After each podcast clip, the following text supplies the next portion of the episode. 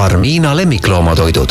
see on loodus ja teadus täiuslikus harmoonias. segame ja küpsetame oma köögis ainult parimaid tooraineid, järgides hoolikalt toitumisspetsialistide juhiseid.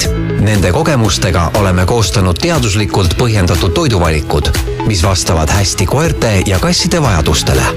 Farmina, kui su lemmik on õnnelik, oled ka sina õnnelik. saadaval loomakliinikutes ja lemmikloomakauplustes ja tere kõigile, kes te meid kuulate. loodan, et saate järgnevate minutite jooksul teada uut ja olulist selle kohta, kuidas oma lemmiklooma tervislikult toita. või siis rahustava kinnituse, et teete juba praegu kõike õigesti saates saavad vastused mitmed olulised küsimused, sest just varasemate saadete kuulajate küsimustele meie külaline, loomaarsti kutsega Optimeri tehniline müügijuht ja Farmina lemmikloomatoitude esindaja Katrin Mägi vastabki. tere, Katrin! tere! No hoolimata sellest, et tervislikust lemmikloomatoidust räägitakse üha rohkem, võib siis meie kuulajate küsimuste põhjal järeldada, et seda tuleb teha veelgi ja jätkuvalt ning tõesti nagu iga nurga pealt. näiteks äh, mida sinult otse kõige rohkem, inimesed ju teavad, et sa oled ekspert äh, nende toitude asjus, et mida kõige rohkem lemmikute toidu kohta küsitakse? Äh, tavainimesed küsivad, äh, aga mida siis tegelikult koerale süüa anda. ahah, et, et kas, hoolimata kogu sellest ja hoolimata kogu jutust ja hoolimata sellest, et nad teavad, et ma olen aastaid, võiks öelda isegi aastakümneid juba seotud kommertstoitudega küsivad nad ikkagi, et no aga tegelikult, mida tegelikult anda, et ma tean küll, et, et, et sa räägid mulle krõbinatest ja aga et seal on see ja too ja, ja nii edasi. aga mm -hmm. see on, mhm. noh, see ongi see küsimus, mis jääb nagu kõige rohkem äh, õhku rippuma. Äh, teine asi on kolleegid, nemad helistavad tihti ja küsivad äh, ikkagi konkreetsete ravitoitude kohta mm. -hmm. no meil on äh, siin nüüd kuulajate küsimused ka valmis pandud ja hakkame aga otsast pihta ja loodame, et saame saate jooksul kõik ära vastatud. aga esmalt äh, võtame need küsimused, mis siis puudutavad rohkem kasse ja esimene küsimus kohe, mis meile saabus, oli kohe sellise dramaatilise algusega, aga mulle tundub, et lõpuks sai ikkagi kõik korda. ja küsimus on siis selline.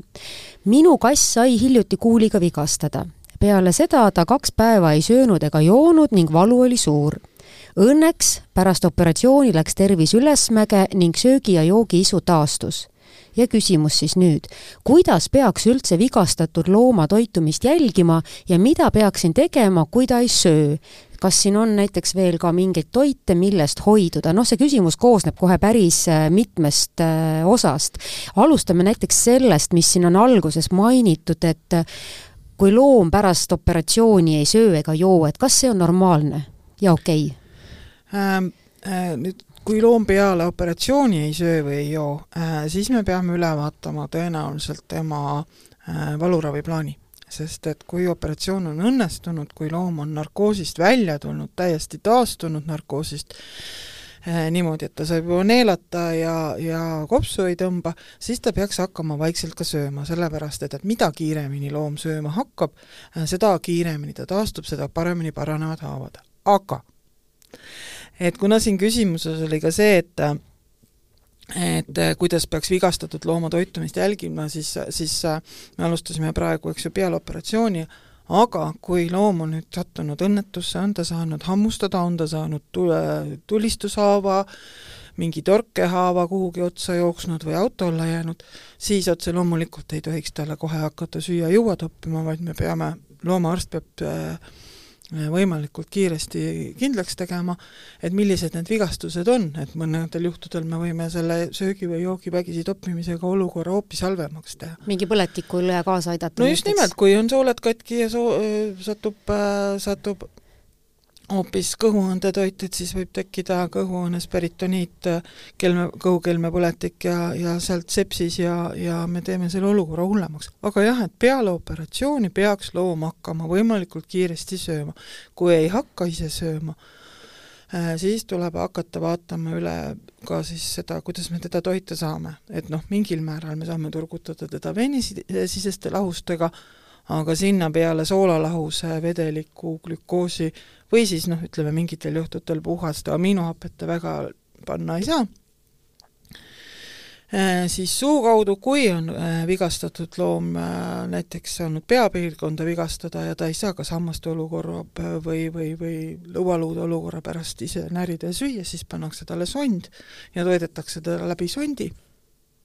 ja need toidud on reeglina sellised väga-väga energiarikkad, et vähesest kogusest saaks oma energia kätte ja, ja saaks hakata taastuma, et me rääkisime nendest taastumistoitudest äh, ravitoitude või ravidieetide juures ka. Äh, millest hoiduda, see nüüd oleneb sellest, mida loomaarst teile ütleb. Äh, just, me ei saa absoluutselt kõiki neid konkreetseid erinevaid vigastusi praegu läbi võtta siin. aga võtame siis selle küsimuse poole, et operatsiooni järgselt, et näiteks meie koer operatsiooni järgselt ka ei tahtnud süüa ega juua ja siis äh, vähe sellest, ta ei tahtnud ka kakal käia. ja pissil tal nagu ei õnnestunud käia, et me olime täitsa mures juba. ja, ja, ja lõpuks me ikkagi siis tegime nii, et andsime siis talle nagu sõrme otsas tema kõige lemmikumaid toite ja süstlaga vett ja lõpuks ta nagu tasapisi hakkas jooma aga noh, väikse klistiiri pidime ikka ka tegema, et, et see väike kogus nagu toitu tal seda seedimist ikkagi nagu toimima ei pannud. ja vaata, sa enne mainisid seda valuplaani või ravimeid ka, et mulle näib, et kõikidele loomadele kõik valuvaigistid või need operatsioonijärgsed ravimid ei sobi, et mõned ajavad neil kuidagi keha punni ja tursesse ja, ja, ja mõnega nad muutuvad apaatseks ja, ja mulle tundus niiviisi, et kui me ühte ravimit andsime, et siis tal nagu seedimine toimis, aga teine ravim kuidagi ei sobinud, et eks see katsetamine vist ka natukene. ja see võib olla, sest et täpselt nagu inimestel on loomade puhul samamoodi, et nad reageerivad ravimitele erinevalt. me äh,, arstid panevad oma teadmiste, parimate teadmiste äh, juures need plaanid kokku ja esimene äh, eesmärk on vabastada loomvalust, see on nagu kõige olulisem eesmärk aga tõepoolest, et mõned muutuvad osade ravimitega uimaseks, mõned muutuvad äh, selliseks disorienteerituks, äh, mõned võivad agressiivseks muutuda, et kellele, kuidas need mõjuvad, need ravimid. ja, ja samamoodi jaa, et osad osad ravimid võivad põhjustada seda soola seiskumist täpselt samamoodi. aga, aga no.. aga siis tasub lihtsalt ilmselt vaat sinna looma Võtta... paberitesse kirja panna, et vaat see ravim sobis, aga see ravim ja, polnud nii hea, siis ja, järgmine kord ja. näiteks. teavitada arsti, pea, pidada nõu, nad saavad ümber mängida, saavad panna teised äh, need valud peale äh,. et äh, sinu koeraga oli ju see ka, et temal oli selgrooperatsioon, eks ju? tal plaaniti seda teha, tal oli see diskivigastus Just. ja tal siis äh, esialgu võeti see valu maha, et mm -hmm. vaadata, mis siis juhtub, et kas ta hakkab taastuma mm -hmm. ja tead mis ta hakkas taastuma. nii et tegelikult sellest operatsioonist me lõppkokkuvõttes pääsesime mm, -hmm. aga tal on varem olnud väikeseid operatsioonikesi, kui tal oli, üks suur koer hammustas teda ja siis tal olid nagu need vigastused. ja, ja et ma mõtlesin, et, et kui oli see seljaga seotud, et siis võib see pissimatus ja, ja see, et kõht läbi ei käi, olla just nimelt selle no võib sellega ka, et tal jah, just. ka seotud olla. aga jah, et oluline ongi see, et vaadata üle see valuraviplaan ja, ja noh, ei tohi jätta veeta ühtegi looma ühekski päevaks, aga kasside puhul on see sööma hakkamine veel olulisem kui koerte puhul, et koerad, eriti kui on natukene äh, seda äh, kogutud seda tagavara ka, et siis äh, ööpäev, äh, poolteist ei ole nende jaoks üldse probleemne olla söögita aga, aga kui nad ikkagi ka üldse ei joo, et siis, siis tõesti, et kas anda süstlaga vett või, või, või siis äh, tuleb ikkagi kliinikusse minna tilga alla, aga kasside puhul on oluline, nende ainevahetus ei tohi seisma nagu jääda ja kassi puhul oli meil sama lugu. kass käis kõrvaoperatsioonil ja pärast seda ei tahtnud ka süüa ega juua ja siis me panime kaks asja kokku, kuna ta lemmikuks on toores hakkliha, siis me segasime toore hakkliha veega, et tegime niisuguseks püreeks, sest et tavalisest veest ta keeldus absoluutselt. Ja siis äh, vaata seda kuiva toitu saab ka nagu leotada püreeks teha. no blender on meil kõige parem Aa, no sõbe, blender on kõige parem sõbe taastuvale oma omanikule, jah no näed, me saime nüüd sellise hea soovituse. taastuva looma omaniku parim sõber ja abimees on blender, kuhu võib siis panna looma sellised äh, looma jaoks sellised energiat turgutavad ja, ja jõudu andvad siis nagu need ravitoidud näiteks ja, ära pidestada. just, ja, ja koos veega siis äh, me tapamegi kaks kärbest ühe hoobiga, et ta saab äh, nii vedelikku kui, kui saab ka energiat. jaa, me teeme sinuga loomade toitumisest juba viiendat saadet, näed, iga kord on mul midagi kõrva taha panna, meil on just uus blender kodus, nii et see on mul nüüd siis valmis kogu aeg. Aga läheme küsimustega edasi, me oleme alles esimese küsimuse juures ja me oleme juba kümme minutit rääkinud milline peaks olema lõigatud kassi toitumine ja siis mida peaks nagu jälgima kassi toitumise juures? Äh, sellest me oleme juba rääkinud ka, aga aga ilmselt inimesed just, ei kuula väga hoolikalt? ei, aga inimesel tuleb küsimus, siis tal tuleb see küsimus ja võib-olla ta on selle vastuse juba välja mõelnud ise selle aja peale, aga äh, nüüd ütleme, lõigatud kassi toitumine Äh, steriliseeritud või tähendab kastreeritud kassid, emased, isased, äh, nende ainevahetus aeglustub, see tähendab seda, et äh, neile suunatud toidud peavad olema vähema energiasisaldusega.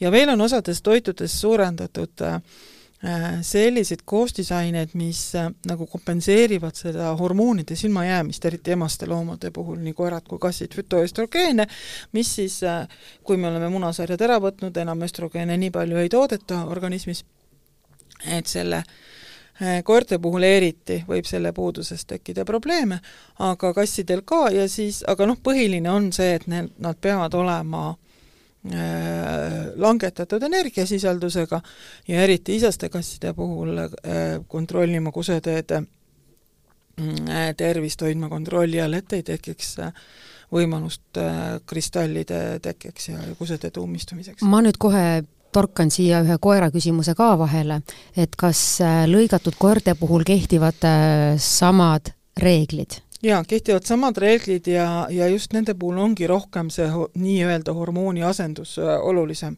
eriti keskmiste ja suuremate tõugude puhul, et, et ei tekiks emastel koertel näiteks uriinipidamatust mm. -hmm, mm -hmm no just nii, kassi küsimustega me siis äh,, muide, mis puudutab eelmist küsimust, siis nende pakendite peale on ju tegelikult kirjutatud, et on steriliseeritud või kastreeritud loomadele jah, kas Sterilised või Neuter, et äh, neil on enamus mm -hmm. toite tulevad välismaalt, siis on suurelt pealt, või siis kui keerata eestikeelse teksti poole, siis on see seal kindlasti kirjas, et sobib neile jaa, nii, veel üks kassiomanik on siis küsimuse esitanud ja see on niisugune. milline peaks olema vanemas eas kassi söök, kui ta juba oksendab palju? ma kohe küsin, et kas vanemas eas hakkavad kassid rohkem oksendama, sest minu kass ei ole hakanud rohkem oksendama äh, just, et, et kui ma lugesin ja peaaegu seitseteist. jaa, lugesin äh, seda küsimust, siis esimene pool mind rõõmustas, inimene tahab teada, kas äh, on eakohane toitumine olemas ka seeniorloomale ja teine küsimuse pool tegi mind kurvaks, sellepärast et see ei ole absoluutselt normaalne. et see kass vajab kõigepealt arsti ülevaatust.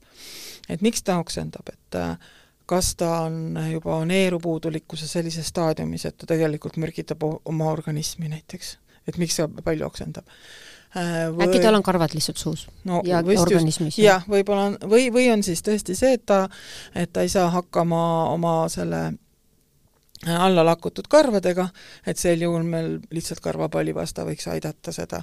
aga võib olla nii ka, et vanemal kassil äkki on nagu tervis natuke nõrgem, karvad rohkem lahti ja siis ongi neid karvu Just, rohkem, ja, ja tubane kass, tal on aega rohkem, ta lakub endale rohkem neid karvu sisse, et me peaksime teda kammima, peaksime andma karva äh,, karvapastat äh, ja, aga muidu vanemas eas kassitoit on, ta peab olema kergesti seedet-, seeditav, need krõbinad peavad olema äh, Äh, kergemini natuke purustatavad hammastega, et ka hammaste olukord tuleks ka üle vaadata, et kui seal suus on ikkagi logisevad hambad ja mädanevad igemed, et see on ka kassidel, mitte ainult koertel probleem, et siis, äh, siis ta oksendab võib-olla sellepärast toidu välja, et ta lihtsalt peab seda toitu alla nagu neelama. Läheb tervelt liiga, jah? ja, ja magu ei, äh, võib-olla ei tooda nii palju seedenõresid kui nooremas eas, ehk siis, siis võib-olla aitaks juba seedetoidust olla näiteks. mina olen tähele pannud, et meie vana kass tahab rohkem nagu lakkuda juba toitu, mitte enam niivõrd närida, et isegi ja. kui ma annan talle mingisugust toortoitu või liha, siis ma näen, et ta lihtsalt nagu ei näriseda nagu vanasti, vaid lakub. ja et siis, äh, siis saab jälle see abimees blender võtta. et natuke väiksemaks hakkida talle see, aga muidu mina ei ole absoluutselt selle vastu, et, et nad konservide peale suunata. Neil on seda kergem neelata, seal on ka niiskus sees. meil saab koer kassikonservid ära ju. no tõesti et need on, need on väga maitsvad, need on väga maitsvad, aga noh, kassile õnneks saab toidu tõsta kõrgemale, et sinna koer järgi ei saa. ja siis ta vaatab sellise pilguga, nagu poleks iial süüa saanud no see koer sinna kassitoidu poole. aga siis äh, järgmine küsimus on ka täpselt seesama, miks mu kass nii palju oksendab, nii et sellele me oleme nagu osaliselt juba vastust andnud. Et tahad veel täiendada? no kindlasti tuleks kõigepealt kindlaks teha, kas ta oksendab või ta tõesti viskab neid karvapalle sealt äh, mis kogunevad söögitorru või mao, mao mõnikord ka maku, et ta neid välja viskab, et, et noh, et kas, kas on sellest probleem, et karvad kogunevad või siis tõesti, kui ta mingi, mingi, millegipärast väga tihti oksendab, et kas ta oksendab siis kohe toidu välja või ta oksendab tühja kõhu peale, et sellest tasuks oma loomaarstiga pikemalt ja järgmine küsimus. ja äkki see on eelmisega seotud? miks tänapäeval ei soovitata kassidele piima äh,?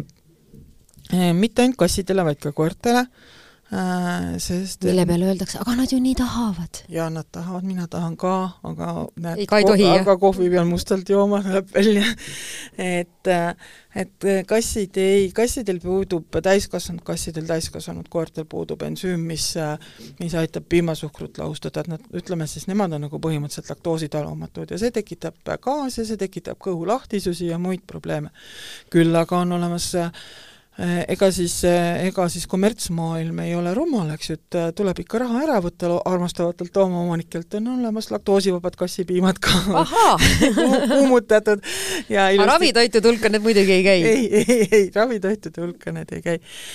aga pigem, kui te tahate midagi maitsvatele äh, lakkuda pakkuda, siis meil oma Eesti toidutootja ju hakkas tegema puljongeid kassidele ja koertele Food Studio, needsamad puljongid, mis on inimestel, on väga head, mina kasutan äh, nutan ja kasutan. ja annad loomale, jah? ei, neid, mis inimestel, neid ma loomale ei anna, sellepärast et äh, inimeste omades on ka sool sees, aga nad hakkasid ka nüüd loomadele tegema täpselt samamoodi hästi kvaliteetselt röstitud äh, kontide ja röstitud juurviljade baasil, aga lihtsalt, et nad ei pane sinna maitseaineid siis, et need mm -hmm. on ilma soolata, on kassi ja koera oma mm. -hmm jaa, see on hea, ma tegelikult juba kuulsin ka, et see on olemas, aga ma veel ei ole neid loomaomi katsetanud, inimeste omasid ma küll kasutan. aga siis nüüd, uba, porgand ja muud sellised juurikad kassikonservides.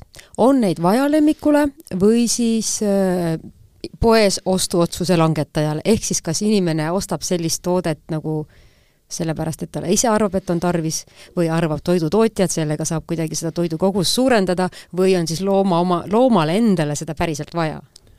konservidega on nüüd niimoodi, et äh, rohkem kassi, aga ka koerakonservide puhul me peame Äh, vaatama sealt pakendit, kas on neil täistoiduga või täiendsöödaga, täissööda või täiendsöödaga äh, tegemist. kui meil on täiendsööt, ehk siis ta peaks midagi muud veel juurde saama, et kõik vajadused täita, siis, siis need, siis need on nagu reeglina ainult puhtast lihast või millestki sellest.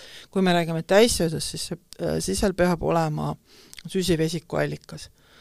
On ta siis seal teraviljana või on ta siis seal köögiviljadena juures aga kas seal on nuba või on seal porgand, äh, mis iganes, et äh, et ega see kass nüüd äh, väga tõenäoliselt ei ta lakub sealt ära selle vedeliku ja võtab selle lihasema ega ta väga osa. ei taha neid tükke, on ju? jah, et võib-olla ta neid köögiviljatükke väga ei taha aga kui te loete koostisest ja teil on pasteedi sees nad seal sees, et siis see on jah, et see on see süsivesiku allikas tema jaoks ja, ja kui see on täi-, täis konserv, täis sööt, siis, siis seal peab olema midagi sees. siitkohal, siinkohal minu meelest võiks olla toidutootjatele veel üks soovitus, et nii nagu see Food Studio hakkas tegema loomadele puljongeid, mis on suurepärane, võiks keegi hakata tegema loomadele ka selliseid pasteete, nagu tehakse inimestele, aga siis ilma maitseaineteta, sest ma ei tea midagi, mida mu loomad rohkem armastaksid kui pasteeti. et ilmselt see kooslus on lihtsalt niivõrd hea seal ja aga tegelikult, kui nüüd tõmmata lahti mingi Caesari või Sheba pasteedikonserv. siis see on sama, jah? ei no ma ei tea, kas see on sama, tõenäoliselt seal ikkagi inimtoidu maitseaineid pole? just, et aga, aga lõhn on küll selline ja näiteks äh, kõik taastumistoitudeks mõeldud konservid on, on küll sellised minu kogemuse järgi, et ma tõmban selle kaane lahti, mul hakkab enda lila jooksma, ma tean, et ta on ilma soola ja maitseaineteta, aga see lõhn. ja, ja, ja see ongi siis see, mida sa näiteks annad oma loomale siis, kui ta on muidu nõrk ja ta ei jaksa Just, eriti täpselt, süüa, mis täpselt, põhjusel iganes temaga see asi on juhtunud. aga siis äh, me oleme jõudnud äh, koera küsimuste juurde, ehk siis koerad ja, ja koerte toitmine ja mida siis meie kuulajad põhiliselt teada tahavad?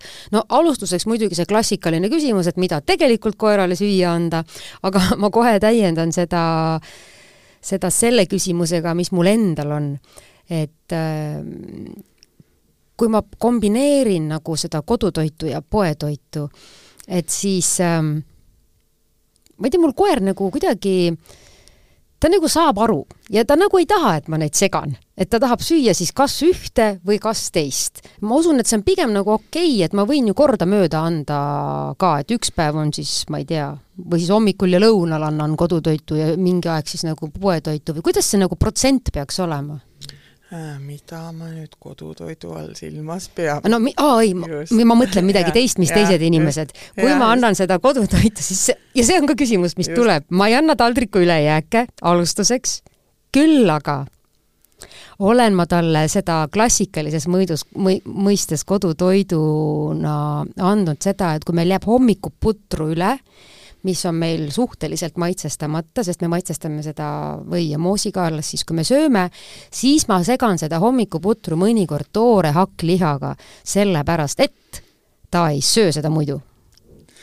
Jah, ise ka ei söö ju enne, kui võid ei ole või ei tea, aga ma hakklihaga ka ei söö. Proovi. kui ma ära praeksin, siis võib-olla isegi oleks okei. Okay.. kodujuustuga mulle väga meeldib pudel. jaa see on hea. ehk siis kuidas see kombineerimine protsentuaalselt oleks õige, see nagu kõige õigem, äh, ma ei oska äh, selles mõttes protsenti öelda, et kui on otsustatud näiteks toortoiduga või isevalmistatud toiduga sööta, et kõige olulisem on see, et te teaksite, milline see päevane kalorast tuleb, et jaotate selle pooleks, andke siis pool ja pool Mm -hmm, mm -hmm. et seal ei ole nagu mul ei ole mõtet korraga ette panna, et krõbinad ja ei, siis hakkliha, no selge see, et ta sööb siis hakkliha, on ju. ei kindlasti mitte, need võiksid olla eraldi toidukorrad. et äh, ja äh, noh, täiskasvanud väiksem koer võiks kaks korda päevas süüa, et siis saabki ilusti need nagu kaheks jagada et ähm, ma olen muidugi natuke seda asja valesti teinud, ta tuleb iga kord, kui ma külmkapi ukse avan. see on jah see, see on nagu peremehe kasvatamise probleem rohkem. see on neile sisse kodeeritud, et ma ütlesin, et mul oli taks juba täiesti kurt vanas eas, aga külmkapi ukse, ma ei tea, see oli, see vist ukse kumm see mingit vibratsiooni tekitas, et ta oli kohal kohe, jah? kõrvavaakumiga seotud, et siis ta oli küll napsti püsti ja kohe seal äh,. Aga jah, et, et see täpselt, et see ratsiooni vahekord on äh, ei ole nii oluline kui see, kuidas ta nagu päevas tasakaalu saab mm. -hmm, mm -hmm. no selge äh,, siis ma tean, et see mõistlikum on, et anda kordamööda, sest muidu ta valib alati selle toortoidu ja minu näite puhul ta võib jääda tegelikult paljust olulisest ilma, kui ta sööb ainult seda toortoitu, ehk siis ainult lihast toitub, sest et ko ja, koeral peaks ikka muud ja, ka olema. just. Äh, järgmine küsimus, natukene sa juba sellele vastasid ka, et mitu korda päevas peaks koer sööma alla aasta vanuselt ja vanemas eas? oleneb nüüd sellest, kui, kui noor ta on ja ka seda, kui suurt tõugu see koer on. Et sellised minitõud, äh, alla kümnekilosed, alla viiekilosed peaksid tegelikult esimesed kolm kuud sööma, nende see päevane norm peaks nelja kuni kuue korra vahel isegi ära jagunema, sellepärast et nad on pisikesed, nende magu on pisikene, et ei tekiks mingeid probleeme keskmist tõugu koerad selles vanuses alla kolme kuu vähemalt kolm korda päevas, noh, jagada vähemalt kolme peale ära. ja suured tõud ka kolm-neli korda, nendel on nagu üks toidukord sellepärast juures, et nad on nende toiduportsud on natuke suuremad, aga ka just, et ei teeks nagu häda, sest tegelikult äh, päris titena nad ju alguses iga kahe tunni tagant äh, imevad väikseid koguseid ja siis nad suurendavad neid äh,, neid vahesid. Kolme kuni kuuekuused nüüd olenevalt tõusuurusest ikkagi keskmiselt kolm korda päevas ja edasi siis kuni aastani äh, kindlasti kaks korda päevas, et mitte ikkagi ühe pea, korra peale jätta. Ja täiskasvanud koer oleneb täiesti koerast, oleneb rutiinist äh,, üks või kaks korda päevas. Mina eelistaksin kaks korda päevas toitmist mm. -hmm. Aga... Endal oleks ka raske olla niimoodi, kui ja. veresuhkur langeb ja tuju Just, läheb ära. jah, aga noh, mõned, mõned ütlevad jälle, et kui ma õhtul süüa annan, siis ta tahab veel ei tea mis kell välja saada ja, ja nii edasi, et seal on nagu omanikukasvatuse probleem ka mm. -hmm, mm -hmm, mm -hmm. nii, järgmine küsimus, mis siis on meie kuulajate poolt. mu koer on koheva karvaga, kuidas ma aru saan, kas ta on paks või normaalne? peske ta ära märja koera puhul saab aru, jah? just, et, et see on üks e,. katsuge sinna karva alla need sõrmed sinna nahani saada ja siis katsuda, et kui, kui paks on see polster naha ja ribide vahel. et jah, et kui on väga kohev karv, et siis see vaatlus külje pealt ja ülevalt alla ei aita, aga just, et, et selgroog ja ribid ja, ja puusalud üle katsuda, kas on tunda või ei ole tunda et äh, see annab parema, äh, parema selle ülevaate. sa nüüd mainisid seda ülevalt alla vaatlust, tuleta palun korra meelde, et äh, kuidas siis seda visuaalselt vaadatakse, kas koer on normaalne või nats liiga ümmargune? et äh, vaatamegi lühikese karvaga koera või kassi on parem vaadata ülevalt alla ja, ja külje pealt, külje pealt peaks olema ikkagi kõhujoon peaks olema ülestõusev, et äh, talje peaks ikkagi olemas olema ja ülevalt alla vaadates ka talje peaks olema äh, näha, aga ei tohiks olla siis kondid püsti, ei tohi liiga kõhn olla mm. -hmm meie koeral, kui see kõige jämedam osa, kui ma ülevalt vaatan, on see ribide osa, siis just. see on okei okay.? jaa, just sellepärast, et eriti takside puhul, neil on äh, väga lai ja sügav rinnakorv et, et see ongi nagu see kõige jämedam osa ja sealt tagant ei tohiks ühtlaselt minna edasi, vaid sinna taha peaks tulema talje jaa, jaa ja,, see tuleb just. nii järsku, et mul on mõnikord isegi lapsed mures, et, et ka, mis tal toimub, et see ribide osa on nii suur ja see teine osa on nii kõhna, aga noh, mina ütlen, et ta jookseb seal endal nii kõhnaks lihtsalt. jaa, ei ta, see ta on, et, et teised koerad, kelle noh, omanikel naabritädi võib-olla tahab äh, kutsuda loomakaitset, on hurdad, kes on ka hästi suure laia rinnakorviga ja siis on väga sügav, kiiresti läheb see kõhuks või taljaks üle, et mm -hmm. et, et aga see on nende kehaehitus, sellised nad peavad olema. nii, järgmine miks mingeid konte võib anda ja mingeid konte ei või? loomapoodides on koeraletid konte või siis kondikogusid täis, veistereieluud ja kanavarbad ja nii edasi, ometi kuulen igalt poolt, et ei tohi koerale konti anda. no mida siis peab tegelikult tegema? Äh, tunne oma koera on üks reegel, ehk siis on koeri, kes nii-öelda lubatud kontidega saavad ka niimoodi no mis hakkama. asjad need lubatud kondid on? ehk siis sellised, mille, kas, kas see, selline kont, millest ta saab nagu hammastega lihvida endale natuke, aga mitte suuri tükke võtta. või -hmm, siis milline sel... see kont on? Äh, ütleme mingi reieluu või? jaa, ei veise, veisesääre või, või reieluud, mis on nagu keetmata Äh, aga just, et kui ta on ikkagi nii tugev ja nii suurte lõugadega, et ta sealt endale noh, kilde võtab, et siis ta võib oma hambaid äh, ära murda, et sellepärast nagu äh, noh, mõnele loomale ei sobi.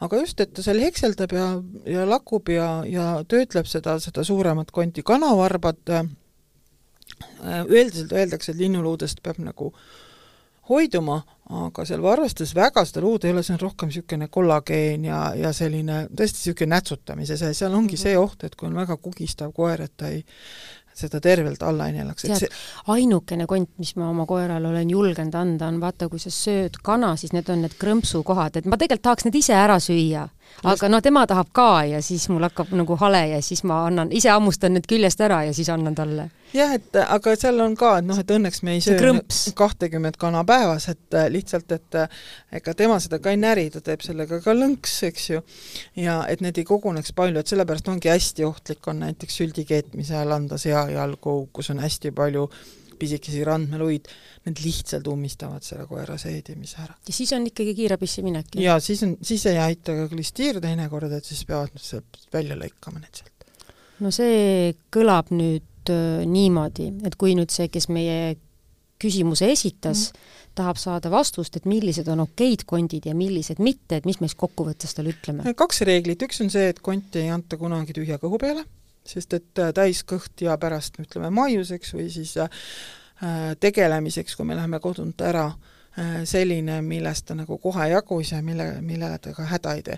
küll aga me peame oma looma teadma, et ta peab olema enne seda, neid ütleme, konte meie ees söönud, et me, et me näeksime. et jah, et mitte tühja, tühja kõhu peale äh,, tunne oma looma ja mitte linnuluud või, või siis ütleme, sea need kondid, mis väga teravaid kilde annavad mm. -hmm et kui ei tea, siis parem ära anna. just. selge, järgmine, mida mina juba küsisin muus hulga, muuhulgas, et kuidas kodust toitu kombineerida poetoiduga, aga küsija on pannud sulgudesse. siin mõtlen seda, kui lapsel jääb taldrikus midagi üle, kas ja kui palju võib koerale taldriku jääki anda äh,? ei soovita sest et meie toit on väga maitsestatud. kui me räägime seal sellisest alla aastasest kahesest lapsest, kes võib-olla sööb üldse ka veel ilma soolata toitu, siis äh, jumala eest las ta selle keeduporgandi koer sööb ära aga, aga just, et meie toidud on nende jaoks liiga rasvased tegelikult ikkagi ja liiga maitsestatud, et ma ei soovita.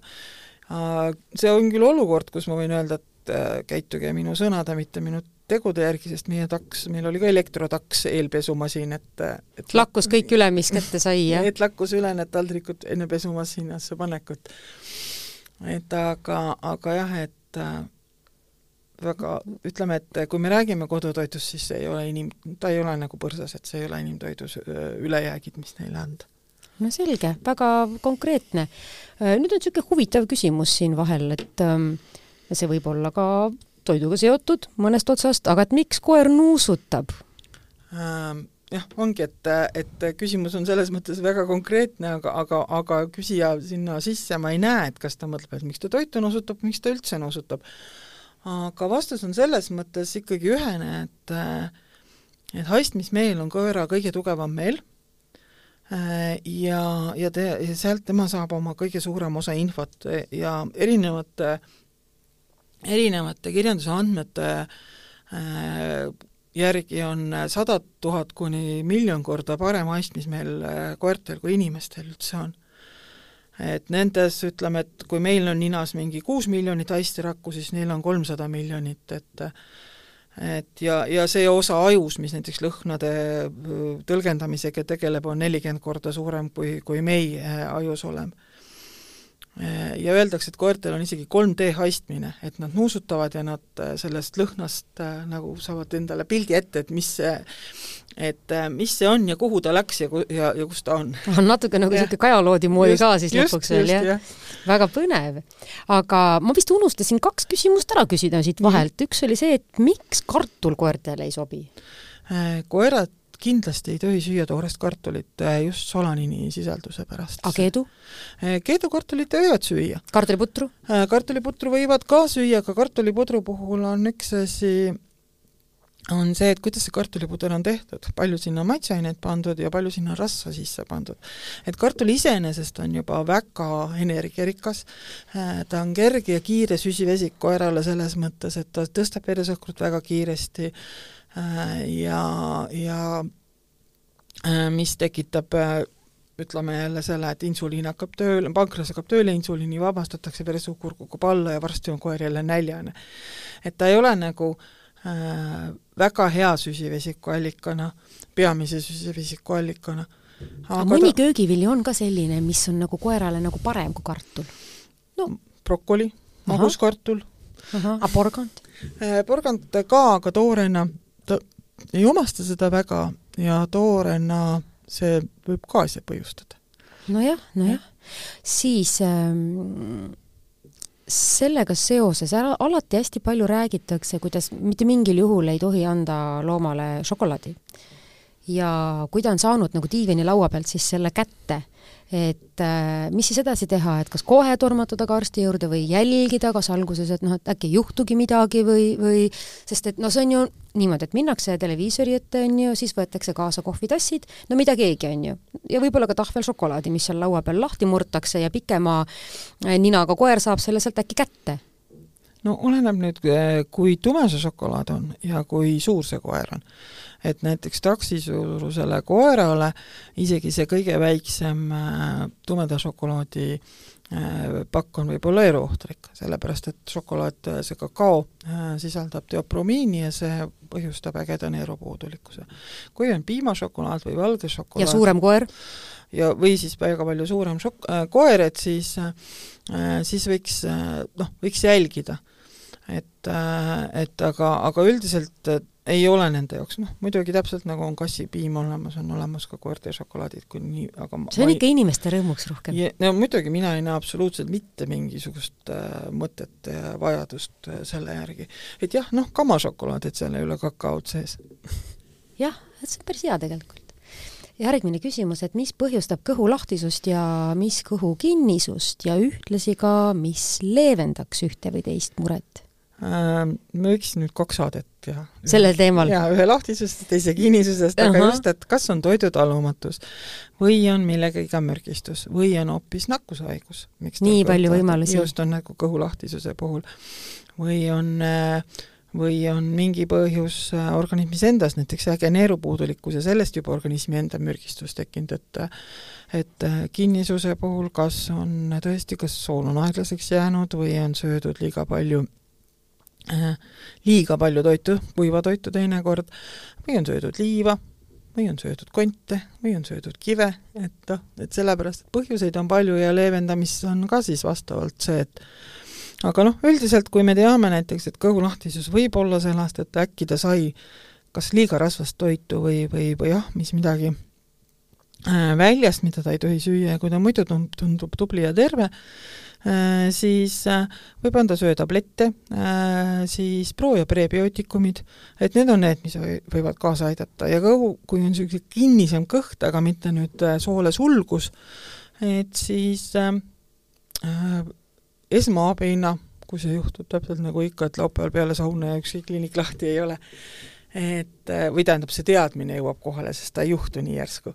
jah aga see on tavaliselt see, et sa reedel ei jõua sellega tegeleda ja siis sa laupäeval mõtled, okei okay,, nüüd ma pean minema topelthinnaga sinna kiirabikliinikusse.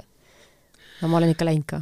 just, et aga parafiinõli on ainukene õli või noh, vaseliiniõli või parafiinõli, mida saab siis inimese apteegist kätte ja mis nagu suu kaudu antuna tuleb täpselt tagant samamoodi välja ka, et tavaline toiduõli see omastub sealt, me saame saada hoopis ägeda pankratiidi, kui me anname seda rasva aga jah, et et parafiiniõli on selline, millega me saame seda soole ütleme, sellist kinnisemat kõhtu natuke leevendada nii kassidel kui koertel. seda ma olen kuulnud ka nende loomaomanike foorumites, seda soovitust, et ja. mida nad üksteisele jagavad, kui loomal on kõht kinni. aga miinus on see, et äh, meil mitte ükski toitaine ei imendu, kui me seda anname, ehk siis üle kolme-viie päeva seda ei saa kasutada, et siis tuleb juba nagu äh,, tuleb juba nagu teisi vahendeid kasutada. linaseemneõli nad ka vist soovitavad, kas see on see mõistlik? libest, jaa, libestab või, või siis lihtsalt linaseemnest tehtud sellist äh, keedist nagu sellist libedat seda, et ta libestab seda soolt ja ja aitab, aga noh, kui on ikkagi krooniline kõhukinnisus, siis tasuks äh, arstiga konsulteerida ja see põhjus selgeks teha, on seda võimalik kõrvaldada või tuleb ta panna mingi eridieedi peale, mis sisaldab rohkem kiudu näiteks. Mm, mingi ravitoit. just. jaa. nii, kus maal me siis oleme? ahhaa, kas õues käiv ja seal kõike lakkuv koer võib inimesega ühes voodis magada? no see kõike lakkuv on, me teame küll, mida kõike see koer seal õues lakub. mina ei saa keelata et see, kas see loom hakkab ähm, kui nüüd see küsimus on esitatud kellegi poolt, kellel ütleme, et partner lubab koera voodisse, talle see ei meeldi, siis, äh, siis ma tõesti ei saa aidata seda, parandada seda suhet. et äh, minu koerad on kõik voodis maganud. Mina olen teadlikult, mina olen selle otsuse teadlikult võtnud, mul ei ole küll olnud ühtegi Bernhardiini, sellepärast et ja väga suure koera omanikud, ma arvan, tunnevad siin, et nagu ja. nad ei saa endale võib-olla seda lubada või nad peavad minema siis suurema voodi ostma, suurema voodi ostma või natukene koera juures pesas pikutada, et seda kaisutamise efekti saada. jah, sest noh, ma pean tunnistama, et äh, oskab äh,, oskab ka taks teha ennast voodis nii suureks, et sa pead kuidagi ümber tema manööverdama kogu aeg. aga jah, et see, kas koer saab voodisse või koer ei pea magama inimese juures koera seisukohalt võttes. kui me oleme seda lubanud, siis me peame teadma, et kui meile see mingil hetkel ei sobi, näiteks emasel koeral on jooksuaeg või või vanem koer hakkab alla tegema või haiseb või, või on käinud pöördumas ja kuskil, et siis siis kõigepealt vaatame endale otsa ja siis vaatame, kas me saame looma aidata ja siis, siis teeme selle otsuse mm. -hmm. ma pigem vist arvan, et äkki küsija on mõelnud seda, et kas see nagu tervisele ei mõju halvasti et noh, tegelikult on koera tervisele mõjub halvasti, kui sa teda lükkad võib-olla öösel kogemata voodist välja või midagi ja inimese tervisele mõjub siis halvasti, kui su koer on pesemata näiteks. Eh, no pesemata koera tõenäoliselt me ei tahagi endale ja, voodisse, just. aga kui mõelda nagu parasiitide seisukohalt, et et tegelikult on hügieen mitte ainult siis oluline, kui meie enda hügieen mitte ainult siis oluline, kui parasjagu on äh, Covid äh, pandeemia väljas, vaid käsi tulebki kogu aeg pesta, enne sööki, peale tualetis käimist ja ja iga kord peale koeraga mängimist seda on eriti lastele teha äh, nagu raskem selga ja selgeks ja, ja kui me arvestame seda, et kui me möödaminnes seda koera patsutame, siis äh, siis me peame arvestama sellega, et kui me peale seda midagi suhu napsame, et me võime saada mõne parasiidimuna endale ka mm. -hmm. aga, aga, aga parasiiditõrjet võib ka oma loomale teha? just, aga ongi, et regulaarne parasiiditõrje nii loomale kui ka tegelikult ma arvan, perekonnale, kui on rohkem loomi ja kui on äh, kui on sellist suuremat kaisutamist, et see on see Äh, mis antud olukorras oleks nagu peamine sõnum. no sellega haakub natukene ka järgmine küsimus, et kas koer võib lapsele musi teha ja tema nägu lakkuda? seal noh, mulle ei meeldi see siis, kui ta on näiteks just söönud seda koerakonservi nagu, siis ma olen nagu üleni konservine. jah, et, äh, et laps või täiskasvanu, et, et seal nagu noh, lapsel on ja kehvem immuunsus, et kui kardetakse just nimelt mingit nakkust saada, et, et hügieeni mõttes jah, ega ta tore ei ole, aga samas, kui ta, meil on pereriigi, et, et neid olukordasid tuleb ette, et ma ei saa öelda, et absoluutselt noh, vastu näidustatud ja see on keelatud ja need inimesed tuleks kuskile kinni majja panna. aga, aga parem oleks, et mida lähemal nagu näopiirkonnale või lähemal suule, et et seda, seda suurem võimalus seda nakkust on saada ja noh, kui on lapsed või väikelapsed, et siis on eriti Äh, kehva immuunsusega. samas, et äh, visaku kivi esimesena see, kes süütu on, äh, minul küll taks siis, kui lapsed olid noh, sellised nad veel ei käinud, aga käperdasid ringi ja kui neil nohu oli, siis see oli nagu pidupäev, siis ta käis kogu aeg mööda ja issand, mis asi see on taksidel nende nohudega ja pabertaskurätikutega? ei no aga ei no lihtsalt, et ta on väga parajal kõrgusel käperdava lapse ninale, et ma arvan, et kui, kui see aastane juba püsti on, siis võib-olla läheb Bernardin mööda ja tõmbab tõmbab. ja neile tätt meeldib millegipärast hirmsasti. soolane on. aga jah, et lapsed juba õppisid, õppisid näo ära keerama, kui koer lähenes, sellepärast et ju neile ikka ei meeldinud see tunne, kui see keel ninna aeti. meie koer käib inimeste taskutes, no tal on pikk nina sellel koeral ja ta käib inimeste taskutes nagu otsimas, et kas seal äkki pole mingit pabertaskurätikut, mida ära süüa, nii et kõik juba teavad, et nii kui meile tulevad, kõigepealt tuleb oma pabertaskurätikut prügikasti visata äkki tal on paberi söömisest mingi, eks mingi ainepuudus, miks ta tahab mul süüa salvrätikuid? paberipuudus. paberipuudus, jah. kiudu toidule rohkem juurde see on sama, mis õues rohu närimine äkki või? Rohu närimine Äh, ma saan aru, et see ennustab küll vihma, aga võib-olla selle see... koera seisukohast on mingi muu vajadus. mina ei ole teaduslikku põhjendust leidnud sellele, kuidas see on vihmaga seoses. et kas tõesti nad tunnevad ära ja neil hakkab maos ebamugav, et nad, äh, et sellepärast üldiselt minu teadmise järgi nad hakkavad närima siis, kui neil miski ärritab maos, et, et oksendada hmm. et et vaadata... mul sööb lihtsalt niisama ja kui me käime pargis jalutamas, siis on konkreetsed kohad, kus talle meeldib niisugust rohuliblet, need pikemad rohulibled natukene, neid närida. Ja vähe sellest, kui ma käin sõbrannaga, kellel on oma koer kaasas, nad söövad nagu täpselt ühest kohast mingi suur-suur park on, seal on kaks kohta, kus nad mõlemad käivad rohtu söömas, et see on mingi eriline rohi seal ilmselt siis ähm,. kui see on äh,, eristub nagu ka natuke niisugune rohelisem koht on, kui ütleme, kõrvalkoht võib-olla, siis tõesti on paremat väetist saanud see koht. ei tea, jah et keegi on sinna jätnud oma, oma pakikese maha võib-olla jaa. Nii, aga veel üks siis äh, küsimus, et kui koeral on kõhu all punakad laigud ja kärnad, kas see võib olla toitumisest? lühike vastus on, et jah, aga see ei pruugi olla, et kõikidest sügelemisega kulgevatest haigustest toiduga seotud haigused on alla viie protsendi tõesti vähe. esimene aga võib-olla on ka siis nii, et mingi toit võib nagu mingit haigust natukene hoogustada, kui ta juba on, jah? jah, et kui me nüüd teeme kindlaks, et see ei ole äh, esimene asi on parasiidid, teine asi, kui see on ainult kõhu all, siis kontaktallergia, et miski, mille peal ta lamab, et kas on mingid pesuained näiteks, äh, mis ei sobi, või noh, peseme põrandat millegagi või ei sobi talle äh, see, millega pestakse mingisugust äh, tema, kas tema pesa, see pesupulber ei sobi, et siis et võib olla kontaktallergia, aga võib ka toitumisega seoses olla. ja kui me paneme sellise looma spetsiaalse nahadieedi peale, siis see olukord võib juba sellepärast pa-, paremaks minna, et nahadieedid reeglina sisaldavad rohkem oomegrasfappeid, mis omakorda tugevdab naha vastupanuvõimet ja, ja sellepärast ta näebki see nahk parem välja mm. -hmm siin on üks küsimus veel, mis ei ole väga seotud toitumisega, et suurele koerale meeldib ujuda, aga tal on paks karv. kas siis võib kevadel koera paljaks ajada, sest muidu ta ei kuiva üldse ära ja siis ei tea, kas tal on need naha sees need kärnad või ei ole? Kaks probleemi siis on ju? jah, et äh, karvane koer peab äh, saama oma aluskarvast kevadel lahti. see tähendab, et ta tuleb kas ise korralikult ära kammida või siis äh, või siis lasta kruumeri juures see aluskarv. see võib olla üks põhjus, miks need haudumised siis tekivad, jah? Need tekivad, see ongi üks põhjus, miks need haudumised tekivad, et et kui, ja kui sinna ütleme, ta kas on mingisugune parasiit või ta kuskilt äh, kraabib midagi, kraabib sellepärast, et noh, tal on ebamugav, sest et kui see aluskarv jääb sinna ja hakkab patistuma seal karva sees, siis on kogu aeg selline tunne, nagu keegi kogu aeg tutistaks sind ja ja, ja tegelikult on nendel loomadel väga ebamugav olla, kellel on see aluskarv sinna sisse jäänud. et kui ta ikkagi on sellist tüüpi koer, kellel on olemas aluskarv ja kes ajab seda ära, et kevadel, et talveks endale uus tekitada, siis tuleb see välja kammida või lasta kammida kruumeri juures ja, ja siis ei ole üldse probleemi, et ta ei kuivaks ära. nii, ja nüüd veel jälle ma ei tea, kas see on toitumisega seotud, aga kas koer läheb stre-, ei, see pole see, miks on koeral kõõm ja kuidas sellest vabaneda?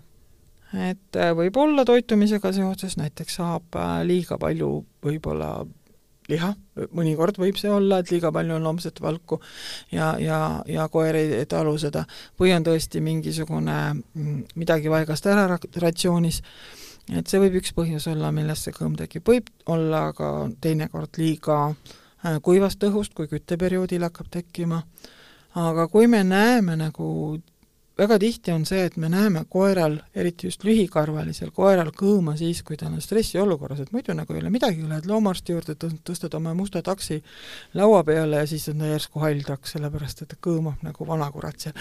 kusjuures jaa, ainukesed korrad, kui ma olen oma koeral kõõma näinud, on loomaarsti juures käimised. just, et, et siis on põhjus ja siis on süüdi arst no tegelikult ikkagi need arstid süüdi. on nagu jube toredad seal, minu meelest on kaks kohta, äh, kus nagu sind võetakse kui patsienti ülihästi vastu. no üks on see näiteks nagu lastehaigla, siis on niisugune nunnutamine ja kuidas emakesel on ja kuidas lapsekesel on ja siis teine koht on see loomaarst, kui sa lähed, et kuidas loomakesel on ja ja noh, see on nagu nii siis te olete endale äh, tõeliselt toreda kliiniku saanud ja ma loodan, et enamus kohtades ongi niimoodi, et, et meeldib omanikule ja meeldib koerale, aga jah, stress on see sellegipoolest ja see võib stress nagu... on see, kui hakatakse tagumikust kraadima? no mõnel on stress juba see, kui ta näeb seda kliiniku ust, et et äh, jumal teab, et äh, ikka tuleb kõige hullem stsenaarium peas välja mõelda, et hakkavad mm -hmm. küüsi lõikama ja siis Jube. hakkavad ma ei tea mida tegema. kõige hullem asi muidugi, ma arvan, et ongi mitte narkoos, aga küünte lõikamine ei noh, nende jaoks narkoos on ju niimoodi väike uni, mis ja. siis ikka on ju aga jah, et, et et vabaneda, et oleneb, millest see, millest see nüüd tuleb, et tegelikult esimesed asjad on, on pesud õigete šampoonidega. et kui, mhm. kui seda kõõma tekib, aga seda oskab ka tegelikult kõige paremini soovitada arst, kui ta on selle naha seisukorra üle vaadanud, sest see on on see nüüd kuiv kõõm, on see nüüd märk kõõm, on ta nüüd äh, suurehelbeline, väiksehelbeline, on ka üks parasiit äh,, keda kutsutakse kõõmalestaks äh,, sel puhul me näeme nii-öelda liikuvat kõõma koera peal. et, et, et tuleb selgeks teha, millest see on ja siis me saame ka aidata.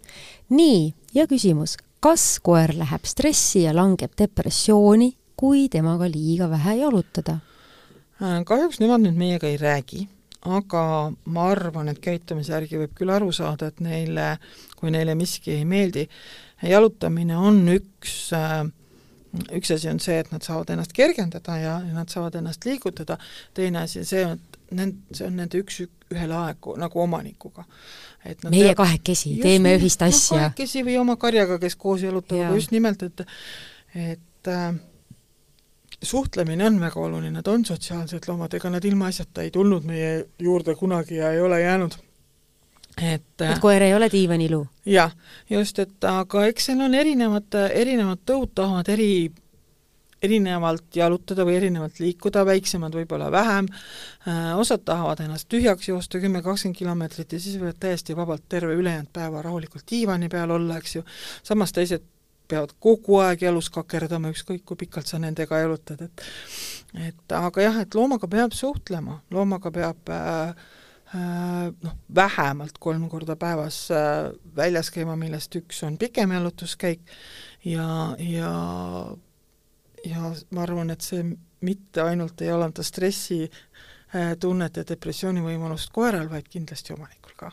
no jaa jah, ja siis saate lõpetuseks muidugi võiks natukene veel rääkida sellest, mida tegelikult koerale süüa anda, et see küsimus järgneb kindlasti, kindlasti, aga siinkohal ma ütlen, et äh, hea kuulaja, kui sul on tõesti küsimus, mida tegelikult koerale süüa anda, või kassile, kui ta on noor, kui ta on vana, äh, kui ta on siis äh, lõigatud või mitte, kui tal on terviseprobleemid või mitte, siis tegelikult tasub Pere ja Kodu näiteks veebilehelt üles otsida kõik lemmiklooma toitumisega seotud seotud podcastid äh, või siis lihtsalt need varasemad äh, elustiili kategoorias olevad podcastid, kus me siis äh, räägime sellest, et mida tegelikult loomale süüa anda. aitäh sulle, Katrin, et sa nii põhjalikult oled meile sellest kõigest rääkinud aitäh kutsumast! ja hea kuulaja, meie saade on selleks korraks läbi ja põnevate uute kohtumisteni. mina olen Eve Kallaste ja head aega! Farmiina lemmikloomatoidud, see on loodus ja teadus täiuslikus harmoonias. segame ja küpsetame oma köögis ainult parimaid tooraineid, järgides hoolikalt toitumisspetsialistide juhiseid. Nende kogemustega oleme koostanud teaduslikult põhjendatud toiduvalikud, mis vastavad hästi koerte ja kasside vajadustele. Farmiina, kui su lemmik on õnnelik, oled ka sina õnnelik. saadaval loomakliinikutes ja lemmikloomakauplustest